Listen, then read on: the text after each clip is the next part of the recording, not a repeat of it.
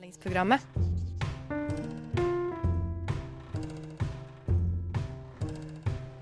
Tekstbehandling på radio.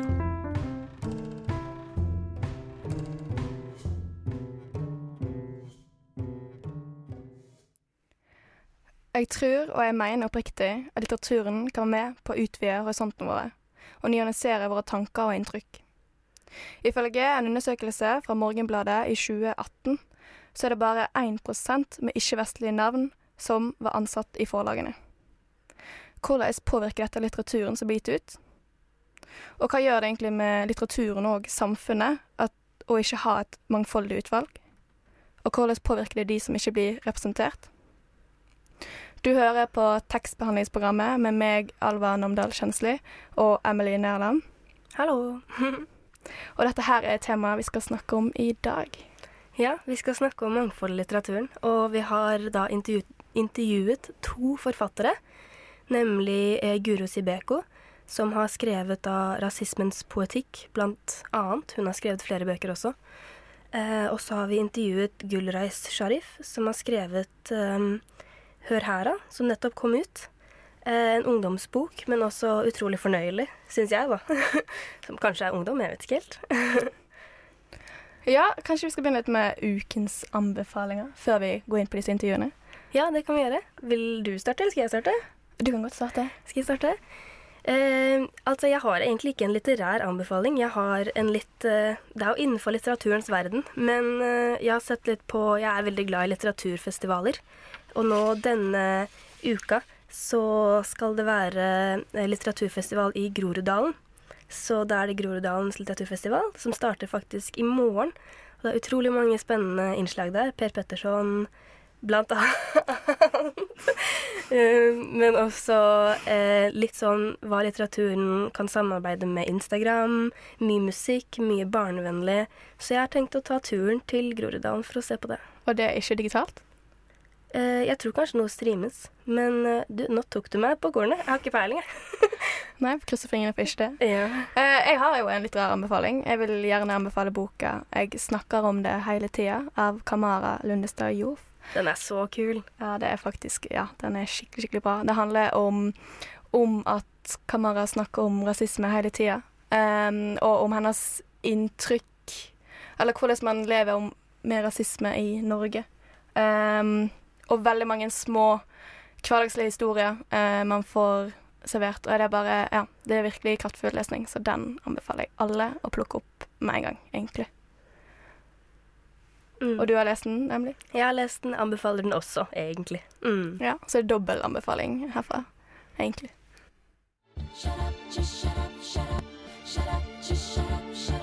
Hysj! Nå hører vi på tekstbehandlingsprogrammet. Som sagt så har Emily intervjua Guro Sebeko, og hun snakka litt om boka 'Rasismens poetikk'. Men òg Hun spurte litt òg om hvordan mangfold i litteraturen hvordan påvirker det samfunnet. Um, så det var en veldig interessant samtale. Mm, det var en veldig lærerik samtale, og vi skal høre på det nå. Hun startet da å fortelle litt om hva slags bok det er. Det er jo en uh, sakprosabok om rasisme, men den er også full av poesi. Um, og det er jo et grep jeg har tatt fordi uh, rasisme er uh, Det er jo politikk, men det er også veldig, veldig mye følelser. Og hvis man bare snakker politisk om rasisme, så får man ikke med seg hvor stor grad rasisme påvirker livene til de som utsettes for rasisme, og til alle andre. Mm. Sånn at eh, jeg har liksom prøvd å lage en bok som får sagt noe sant om rasisme, både på det emosjonelle og på det mer faktiske planet. Ja, for du har jo blandet da Du har noen eh, dikt innimellom, og så har du noen tekster da som Jeg vet ikke om man kan kalle det essay, men de er jo veldig fakta. De har masse referanser og sånn i boka. Og i, i de diktene så er det også litt sånn personlige hendelser, da. Kanskje du har opplevd, eller du har hørt andre har opplevd, med også i de essayene så er det også det. Hvorfor tenker du det er viktig at disse hendelsene blir fortalt? Jeg tenker at hvis man skal få folk som, eh, som ikke har personlig erfaring med rasisme, alle mennesker i Norge har personlig erfaring med rasisme, men folk som ikke vet at de har personlig erfaring med rasisme, eh, til å forstå hva rasisme er, og eh, til å akseptere nettopp at rasisme er et fenomen i det samfunnet de lever i, som de faktisk har erfaring med, selv om de kanskje ikke har eh, lagt merke til det sjøl. Eh, så må man eksemplifisere. Da må man vise frem hva dette er i praksis. Eh, og det prøver jeg å da gjøre gjennom egne opplevelser og andres opplevelser. Og hva, hva, tenker du er målet med boka sånn generelt? Du har sagt litt om det, men hadde du et spesielt eh, ønske om at noen skulle lese den, eller forstå hvordan de skulle forstå hva du skriver om, da? Altså jeg vil jo helst at alle skal lese den, selvfølgelig. Ja. Uh, på den ene siden så ønsker jeg å bli lest politisk. Altså jeg ønsker at norske politikere skal lese denne boka og skjønne uh, at vi har et stort samfunnsproblem Uh, som også koster oss veldig mye penger. Sånn at det hadde vært fint hvis de kunne gjøre noe med det. Men viktigere for meg har jo vært at folk som lever med rasisme At jeg vil hjelpe dem til å få et språk som gjør at de kan snakke om rasisme, at de kan se og tenke om rasisme. Eh, og aller, aller viktigst har det vært at jeg vil at folk som ikke sjøl er direkte rasismeutsatte, men som har ansvar for mennesker som er det. Altså hvite foreldre til melaninrike barn, hvite lærere til melaninrike elever osv. skal lese denne boka og få, noen, få forklart noen ting eh, som forhåpentligvis gjør at de barna slipper å ta hele den forklaringa sjøl. For det å være den som, som Kamara er, da, som alltid må snakke om rasisme, det er forferdelig slitsomt. Uh, og det å være det barnet som alltid må snakke om rasisme, og som må snakke om det til sine egne omsorgspersoner, folk som burde vært de som forklarer dette for deg, og som hjelper deg, ikke sant? og så er det du som må ta voksenrollen på det temaet, uh, det er en kjempebelastning.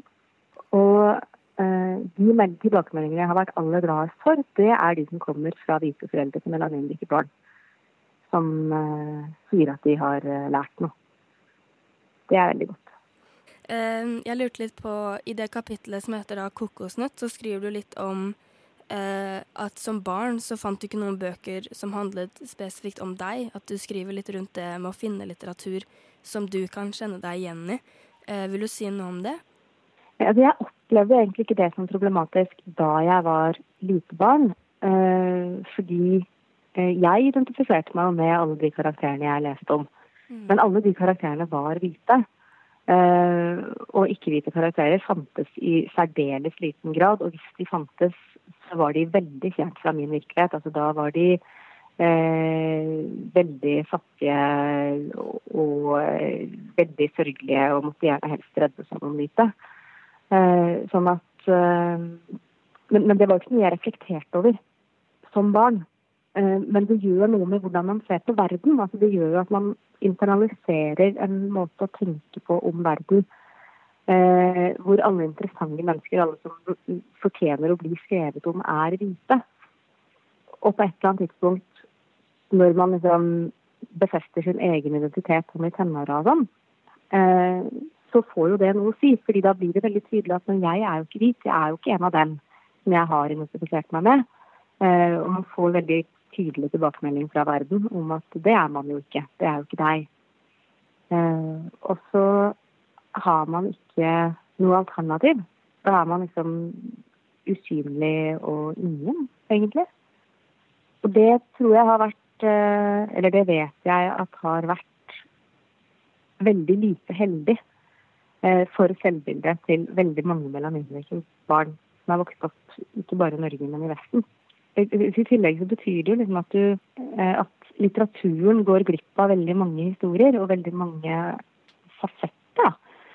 At den blir eh, Den har ikke med alle fargene, og det burde den kanskje, for da tror jeg det hadde blitt bedre litteratur. Det handler jo ikke bare om hudfarge heller, det handler jo om andre erfaringer eh, som melaninrike oftere enn hvite har. Eh, det er jo noe som gjør at jeg f.eks. Eh, kan lese Gunnar Kopperud. Eh, og virkelig, virkelig nykose meg, fordi jeg og Gunnar Kopperud deler en del erfaringer som er veldig veldig uvanlige å finne i norsk litteratur. han er en unik, fantastisk forfatter som Det er norsk kommunisme. Eh, det er eh, den virkelig røde arbeiderklassen. Eh, og det er de politisk eh, forfulgte, også i Norge i nyere tid. I tillegg til at han jo har veldig sterke koblinger til afrikansk historie. Og samtid, for så vidt. Og sjøl om han er hvit, så er jo det han skriver, resonnerer i meg på en helt annen måte enn det veldig mange andre hvite skriver. Eh, det handler jo ikke om hudfarge, men det handler om at han har en del erfaringer som jeg er vokst opp i. Og det er veldig godt når man finner deler av livet sitt reflektert i litteraturen. Da. Og mm. norsk litteratur generelt, eh, med da noen eh, solide unntak, er jo ganske enfoldig. Føler du at uh at litteraturen generelt kan bidra til å gjøre da rasisme og de følelsene melaninrike barn, som du sier, føler på, at det kan bidra til å gjøre de tingene mindre individuelt og mer kollektivt? Ja, det tror jeg.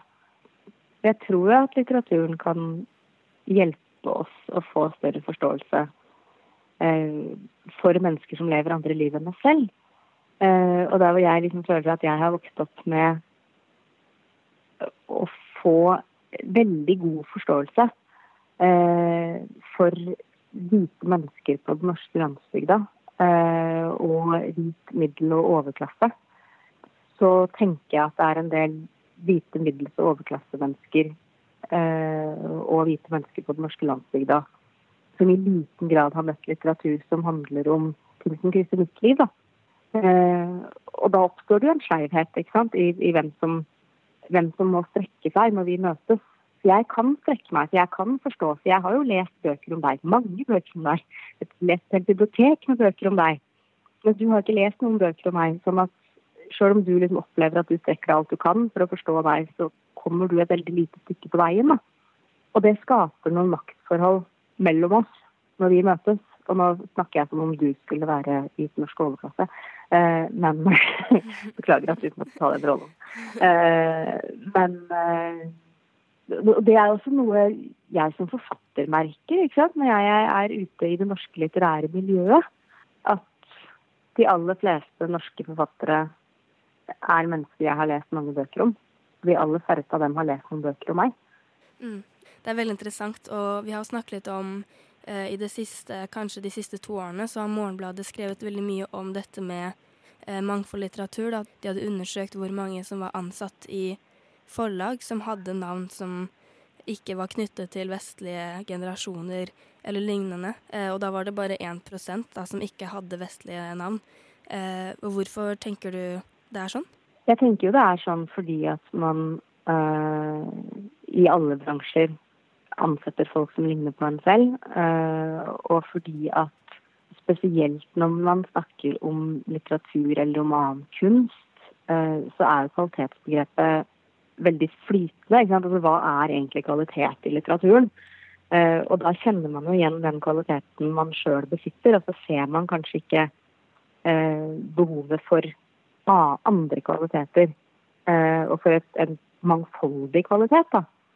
Uh, og det, i forlagsbransjen så er jo det et kjempeproblem. Fordi én ting er uh, å få litteratur skrevet av folk med en annen erfaringsbakgrunn. Uh, det kan man få til.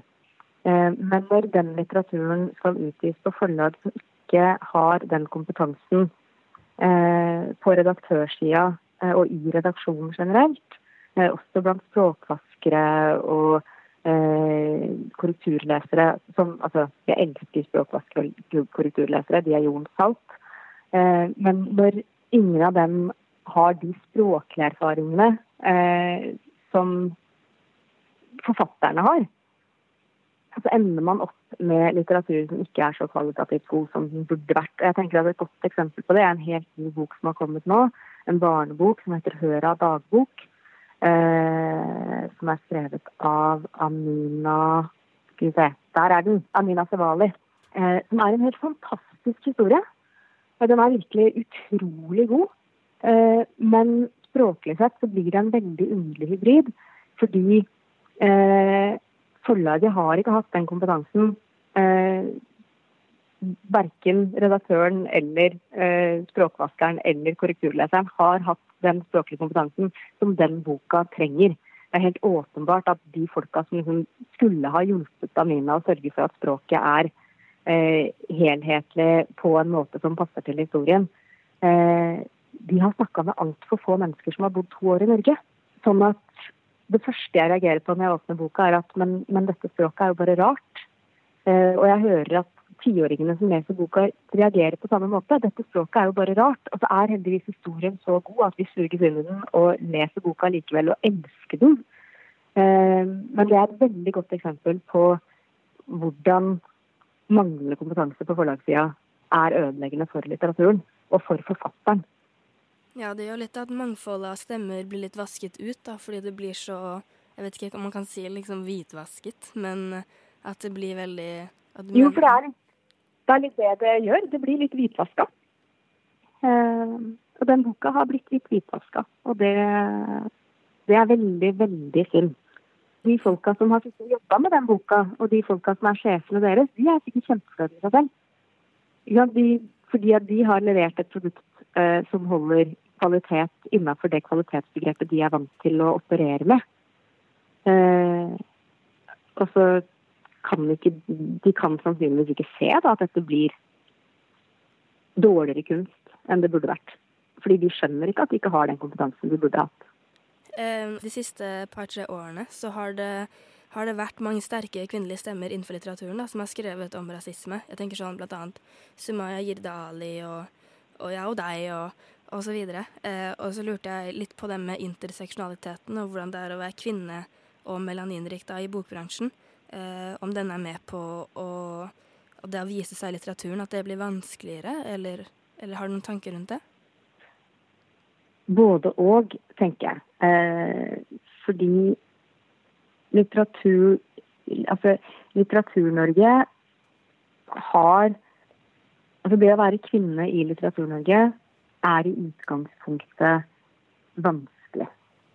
Man har en, en altså Man dyrker den mannlige forfatteren eh, på en helt annen måte enn man dyrker kvinnelige forfattere. Og kvinnelige forfattere får generelt eh, veldig mye mindre, mindre status enn det de fortjener. Altså, de beste norske forfatterne er damer. Eh, og Litteratur-Norge oppfører seg som om det ikke er sånn.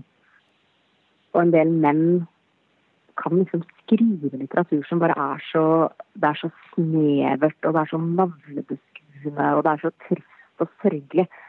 Uh, altså ikke litterært trist og sørgelig, det er bare det er trist og sørgelig at du bruker tusen sider på det her. Uh, og blir genierklært.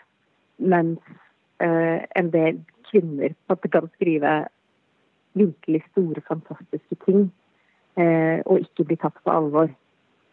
Men det å være melaninrik kvinnelig forfatter eh, Det legger til et lag av ikke bli tatt på alvor. Eh, fordi man ikke bare er damelitteratur, man er også innvandrerlitteratur. Eh, typ. Eh, men samtidig så er det lettere å eh, bryte ut av kvinnelitteraturbåsen som melaninrik kvinne. Eh, for man er jo på en måte noe litt annet også. Altså For melaninrike menn som skriver bøker eh, Det er bare innvandringslitteratur, det. De blir veldig, veldig fort eh, satt i den båsen. og har kanskje vanskeligere for å bryte ut av den også. Så interseksjonalitet tenker jeg liksom, altså Det at man er begge deler kan gjøre det vanskeligere, men det kan også på noen måter gjøre det lettere å bryte ut av en av båsene, fordi man har flere båser. Man blir ikke sett som bare én ting. Eh, og Apropos det med du sier med sånn innvandrerlitteratur, og at man, har altså skrevet litt om at det alltid er på utkikk etter en ny innvandrerroman, og at det på en måte er en greie. da. Føler du at man ofte som melaninrik kan bli satt i den båsen, at man er nødt til å skrive litteratur som handler om å være innvandrer, eller handler om rasisme? Ja, gutta må det. Gutta er der, liksom. Eh, og sånn sett så har måte, kvinner kanskje litt friere stilling, da. Eh, at det kanskje At båsen på en måte blir litt videre fordi det er to båser som krysser hverandre. Men samtidig så er veggene kanskje også sterkere. At det er vanskeligere å bryte ut av det. Eh, fordi det man skriver blir i veldig liten grad lest som litteratur. Det blir lest som politikk og ikke som litteratur. Det blir lest som, det blir lest som et vitnesbyrd fra de andre, de rare, de som er utenfor, de som er annerledes enn normen. For normen er jo fortsatt den hvite mannen. Og hvis man ikke ser ut som Knausgård, så blir man heller ikke lest litterært. Um, mm, takk. Fordi i boka skriver du også litt det med motsetninger. da At uh, f.eks. det når det er en, uh, en, bevegelse som Black Lives Matter, så ønsker man All White Lives Matter. Og når, da, når, når du skriver at hver gang jeg tar ordet, kan noen rundt meg oppfatte det som en trussel om at hvite ikke lenger skal få snakke. Hva slags konsekvens tenker du at dette har for litteraturen, eller mangfolden i litteraturen? Altså, um, jeg må kanskje si noe om den dikotomien før jeg kan svare. Altså at det handler om uh, at man har uh, en idé om at det finnes to grupper i verden. Det er de hvite, og så er det de andre. Uh, og at man har en idé om at de to gruppene er direkte motsetninger til hverandre. Dette er ikke noe folk går rundt og tenker bevisst og intellektuelt, men det er noe som er innpoda i oss nettopp gjennom kultur, da, som betyr at eh, hvis man sier noe om den ene gruppen, så har man implisitt sagt det motsatte om den andre gruppen.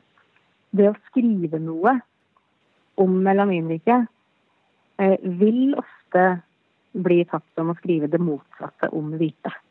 Og det gjør jo på en måte at altså, Det at man har en idé om at det finnes et konkurranseforhold her, liksom, eh, det gjør jo at det er vanskelig å skrive positive ting om melaninriket. Fordi hvite folk kan bli fornærma og lei seg. Fordi de føler at man har sagt noe stygt om dem. Det ligger noen tolkninger da, inni hodene til de som leser, eh, som man hele tiden må ta hensyn til når man skriver, og som man bør være bevisst på. Også, altså, eh, jeg sier inni hodene til de som leser, men de ligger også inni hodene til de som skriver.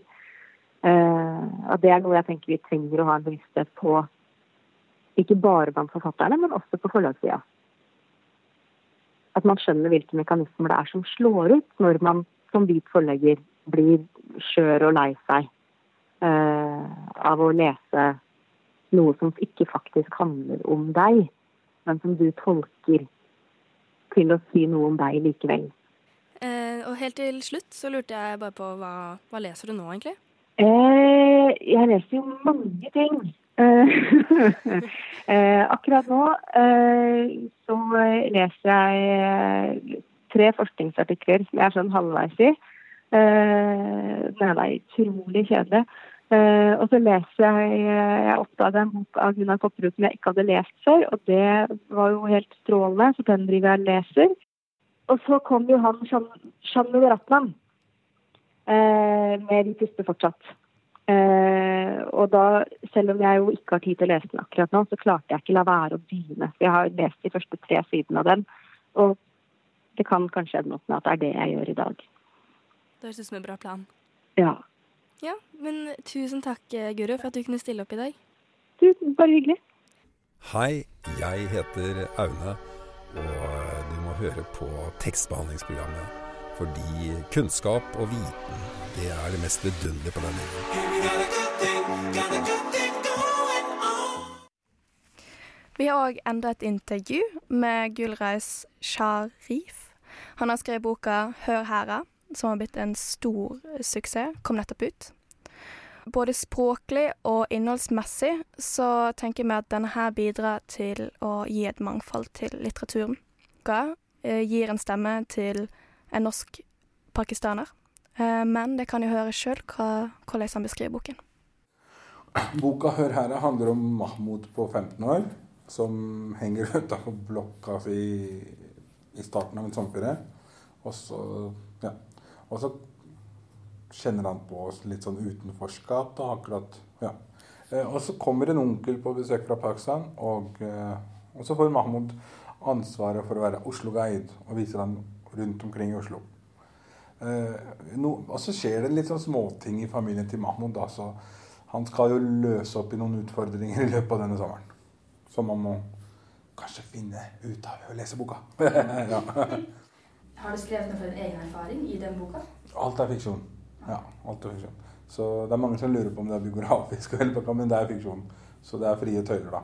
Jeg er, jeg er, fra, jeg er oppvokst på Grünerløkka nede i sentrum, så jeg er ikke fra østkant. Altså, jeg er ikke fra Groruddalen engang. Selv om jeg bor der nå, da, som voksen. Så, men det er fiksjon.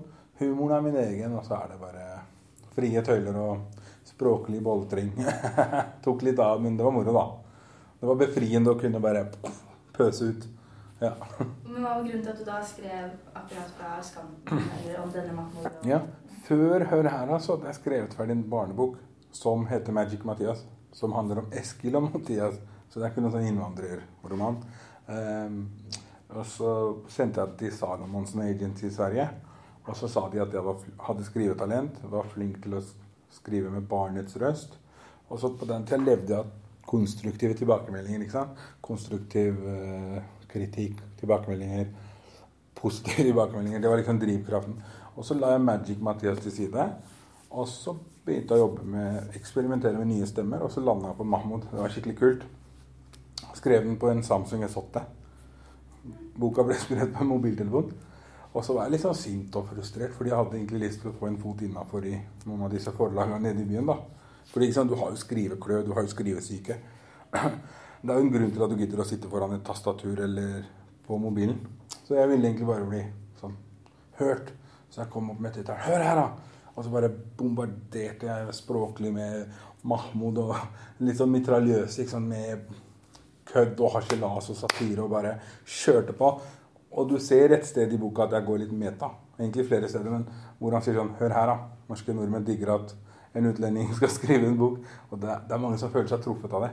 Men de blir ikke lei seg eller sure, men de føler sånn Oi, shit, der tok han oss på kornet. Så det var intensjonen, da. Fordi jeg tenkte sånn Jeg er brun, liksom. Jeg er minoritet. ikke sant? Jeg kommer aldri inn i et forlag med vanlige bøker. Så det er innvandrerroman de vil ha, så da skriver jeg en jævla innvandrerroman, og så vekker jeg disse forlaga. Og Norges største forlag våknet opp. Så, ja. Eh, fordi du skriver sånn veldig sånn muntlig språk. Ja. Veldig sånn kebabnorsk. Mm. Var det det du liksom målretta Ja, det, det er sleng, ikke sant. Det er kebabnorsk sleng. Multietnolekt, som det heter så fint.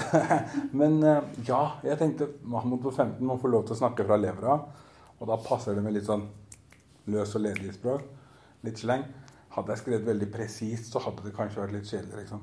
mm. Ja, Hvem Ja. tror du du treffer liksom med å bruke det språket? Mm, ungdommer, men også eldre. Jeg har fått tilbakemeldinger fra alt fra 75-åringer til 65-åringer.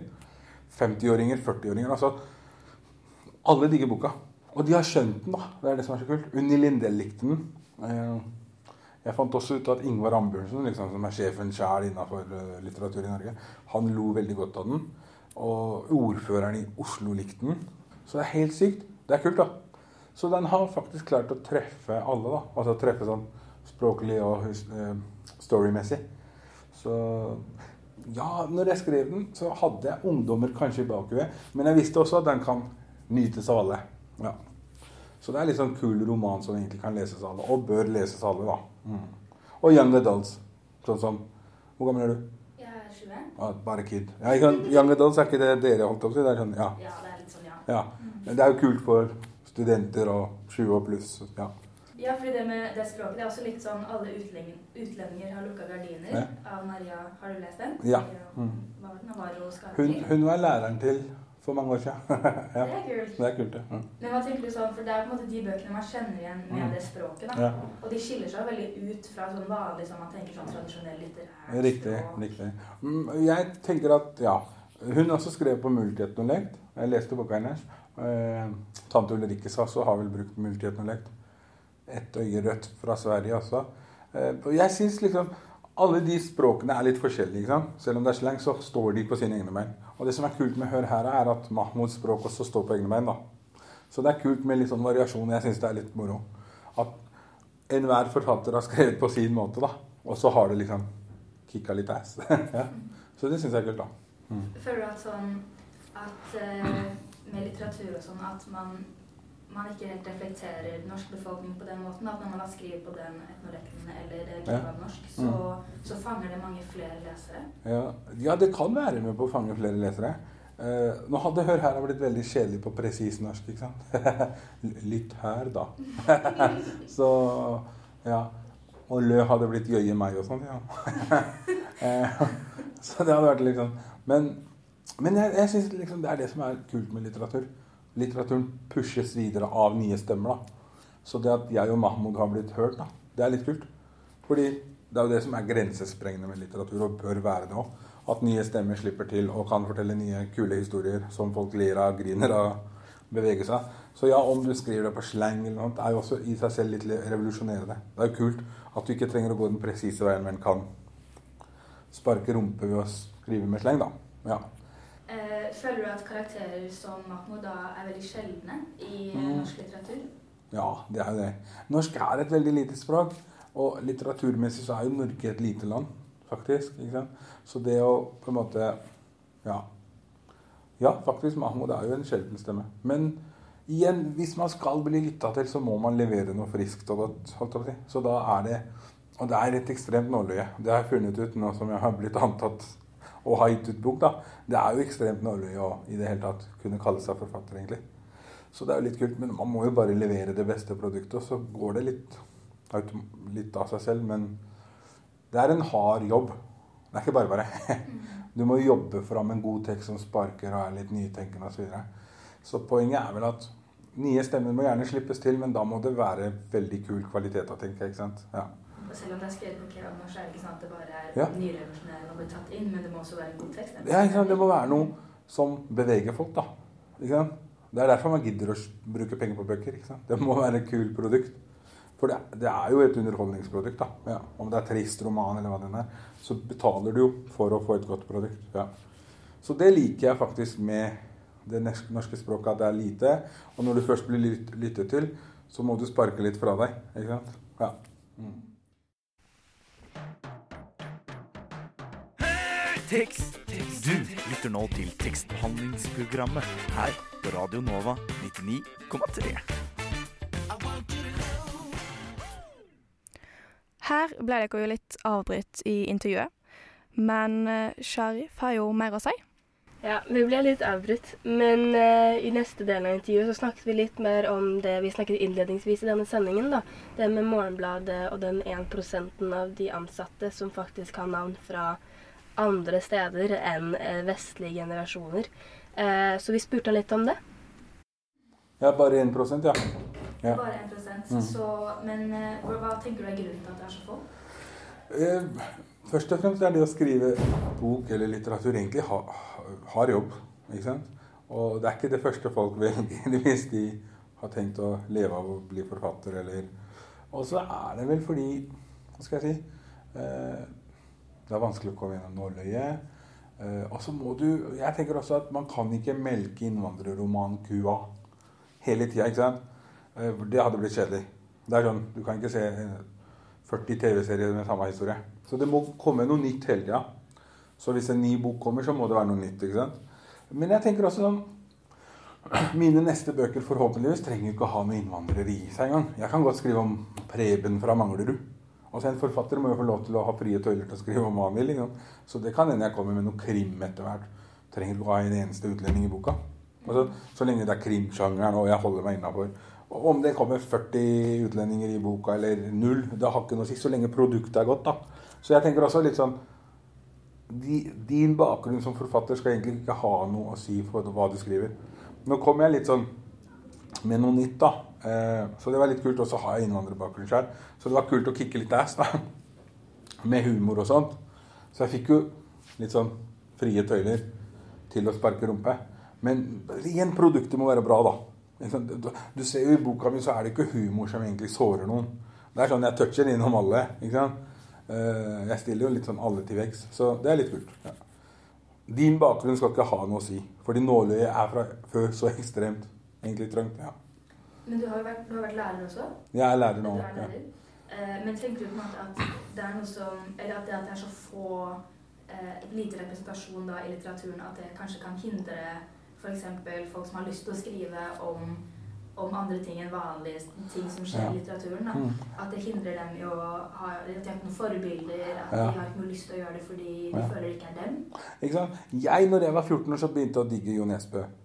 Eh, jeg er jo skikkelig fan av han. Jeg hadde lyst til å skrive krim, men så noen ganger tenkte jeg også at hudfargen min stopper meg. Fordi jeg er jo ikke liksom etnisk norsk, og jeg kan ikke skrive om nordmenn. Men etter hvert så tenkte jeg søren, det kan jeg jo. En forfatter kan jo skrive om hva han vil. Eh, men inngangsporten min var nok Hør her, da. ikke sant?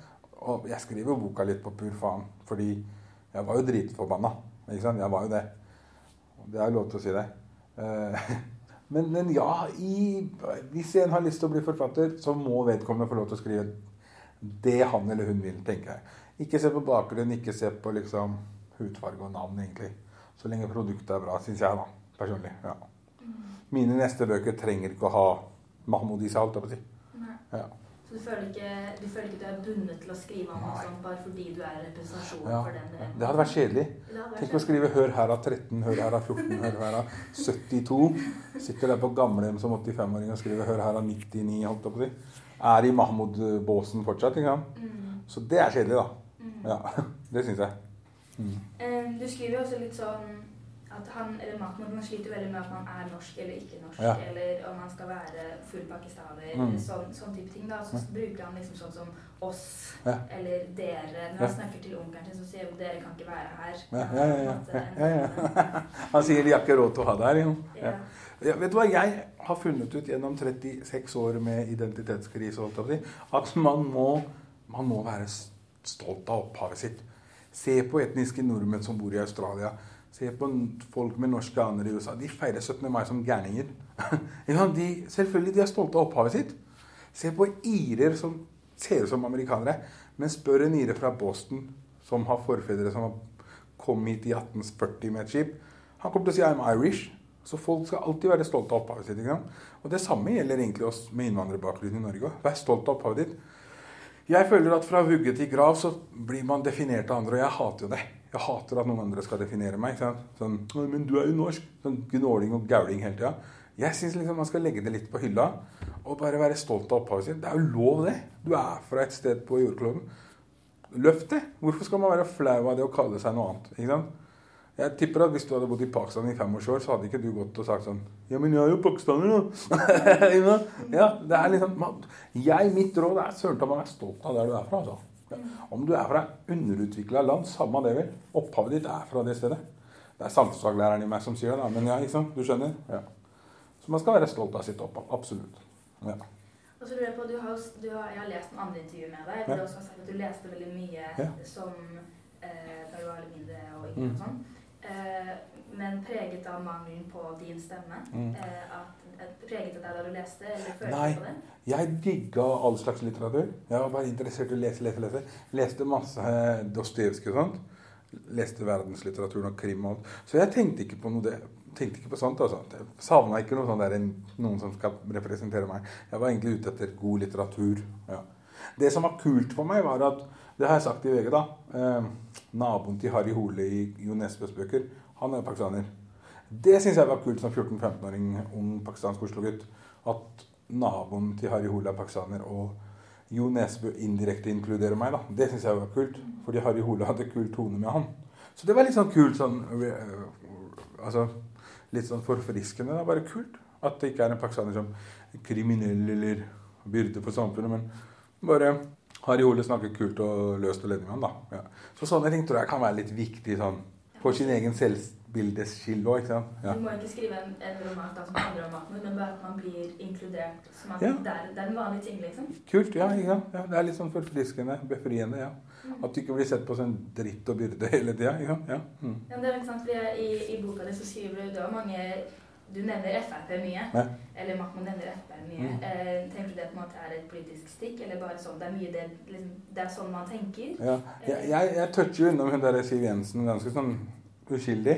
Men jeg nevner henne i sånn åndedrag eller hva det heter. Sånn, ja, onkel får ikke lov til å bli her fordi bla, bla, bla. det Landet har ikke råd til han og hele pakka. Eh, men jeg vet jo at folk som er yngre enn meg, tenker på meg òg, som er 36 nå, nærmer meg 40.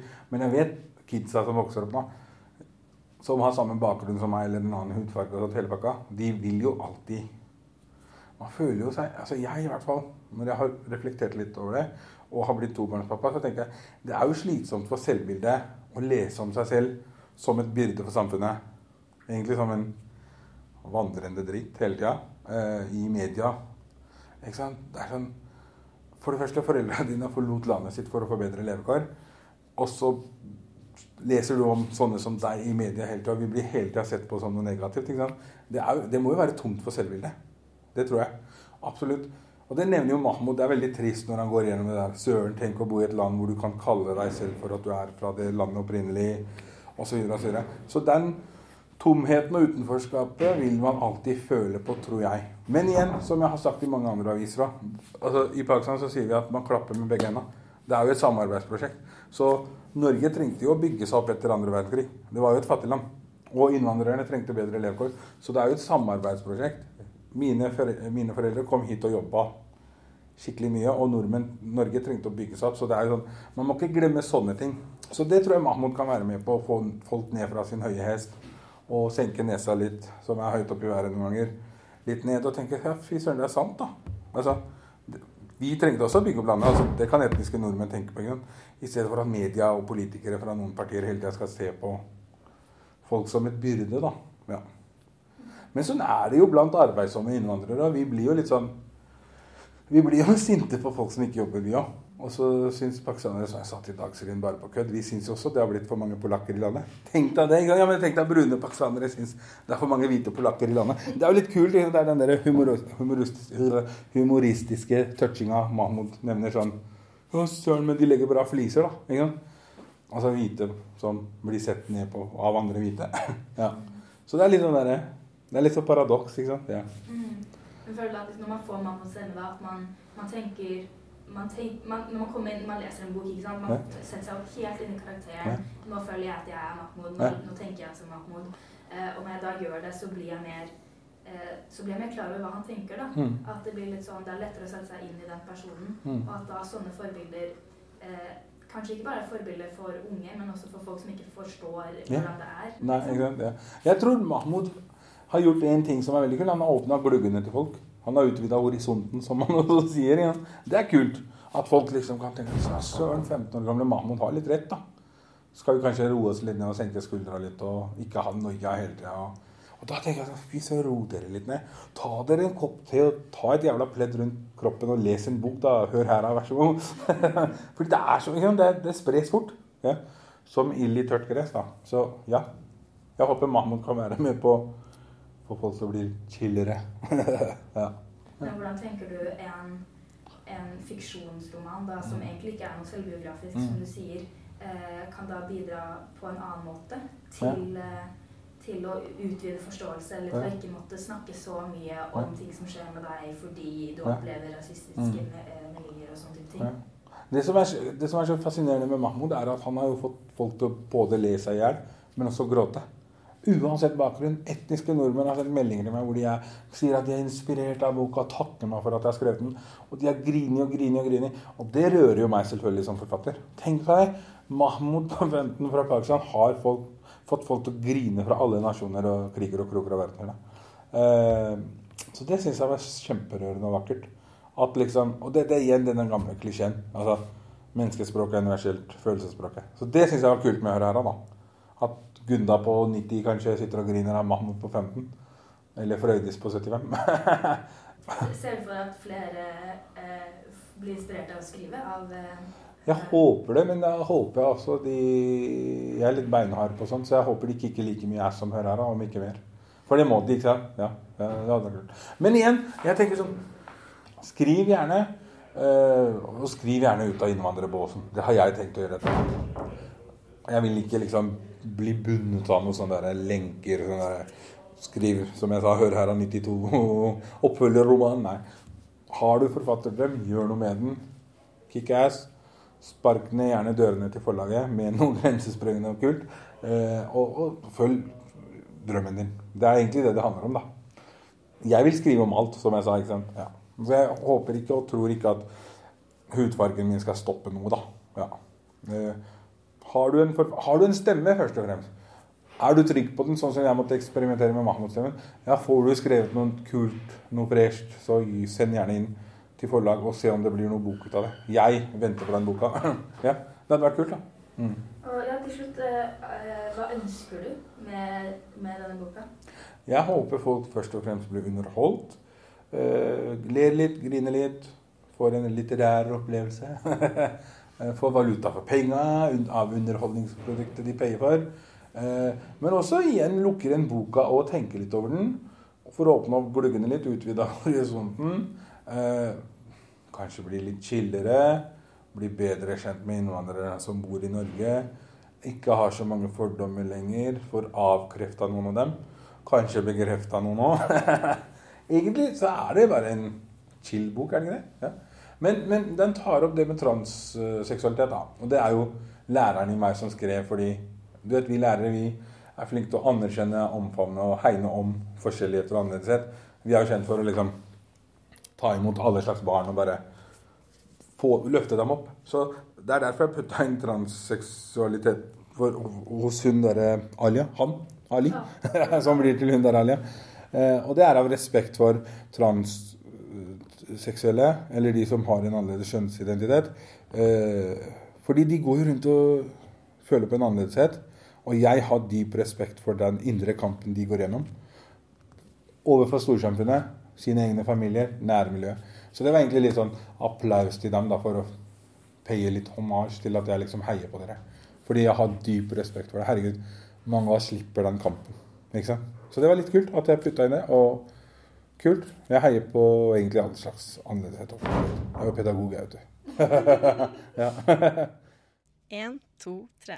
T-E-K-S-T-B-E-H-A-L-D-L-P-R-O-G-A-M Tekstbehandlingsprogrammet på Radio Nova. Håper alle tar til seg det siste tipset fra Gulreis Sharif. Men vi skal gå litt videre i sendingen. For Sara har tidligere prata om den nigerianske forfatteren og nobelprisvinneren Wole Soyinka som mener at unge kvinnelige forfattere i Nigeria skriver noen av det beste moderne litteraturen. Nå har Sara tatt for seg en av disse kvinnene, nemlig Shimanda Niguchi Adiche, og hennes bok 'Kjære Iovele', eller et feministisk manifest på 15 forslag. Boken, som inneholder brevet hun en gang sendte til en venn som trengte råd for å gi sin nyfødte datter en feministisk oppdragelse.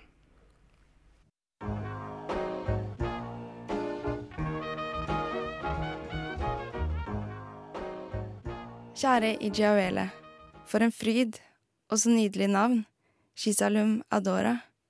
Hun er så vakker, bare en uke gammel, og så ser hun allerede ut til å være nysgjerrig på verden. Så praktfullt gjort, å sette et menneske til verden. Gratulerer føles for puslete. Meldingen din fikk meg til å gråte. Du vet at det hender jeg blir latterlig følelsesladd. Du skal vite at jeg tar oppdraget ditt om å si hvordan hun kan oppdras som feminist, dypt alvorlig og jeg skjønner hva du mener med at du ikke alltid vet hva en feministisk respons på ulike situasjoner burde være. Shimamanda Ngochi Adichi er en nigeriansk forfatter som nå veksler mellom å bo i Nigeria og i USA. Man kjenner henne kanskje best for romaner som Dyprød hibiskus, En halv gul sol og Americana. Store litterære suksesser. Men hun har også skrevet sakprosa, eller nærmere bestemt essays om feminisme. Det ene heter, i Hilderød Larsens oversettelse, Kjære Ijiavele, eller Et feministisk manifest på 15 forslag. Som tittelen også avslører, er ikke dette bare forslag til en nybakt mor som skal oppdra sin datter, men råd og tanker som kan treffe enhver som er ute etter, eller som trenger en feministisk oppdragelse. For det er det ikke bare barn som behøver, enten det handler om å lære å se andres verdi eller sin egen. Første forslag. Vær et helt menneske. Morsrollen er en praktfull gave, men ikke definer deg gjennom morsrollen alene. Vær så snill å avfeie tanken om at morsrollen og yrkeslivet utelukker hverandre.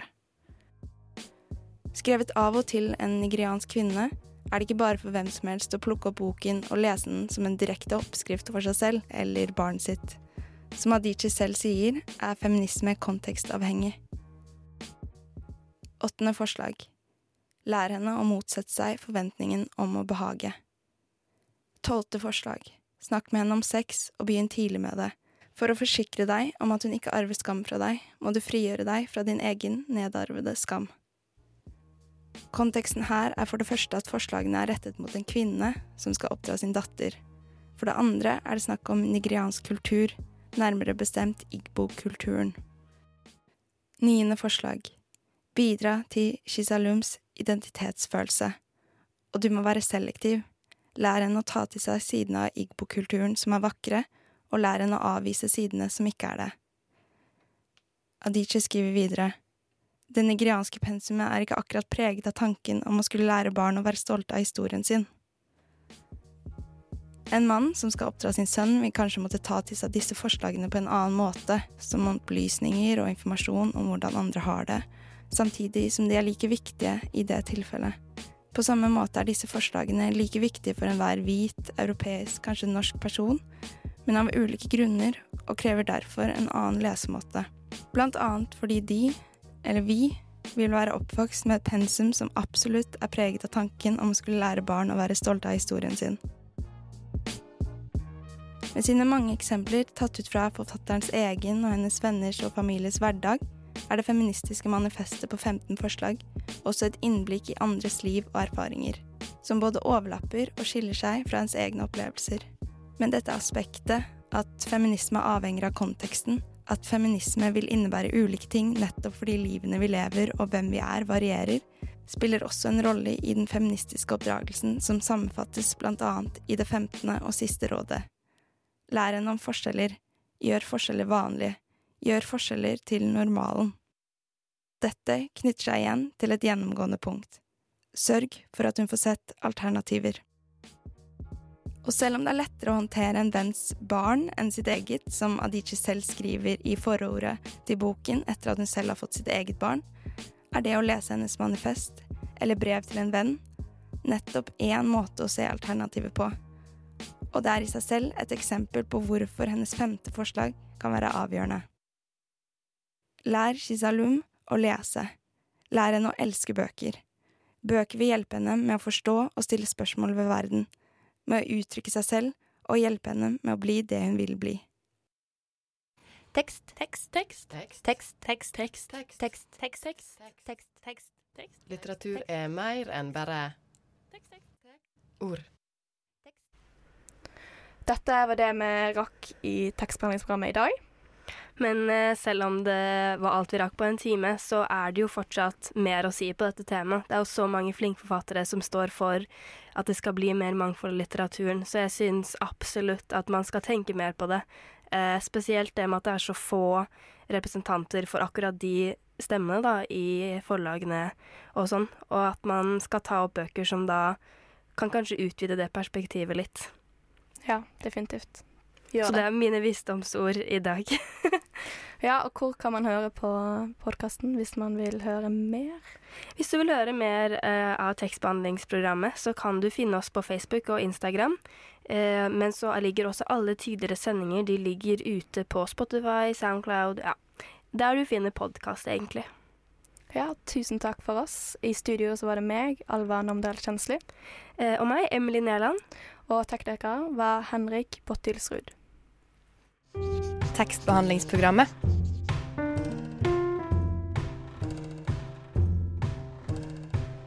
Tekstbehandling på radio.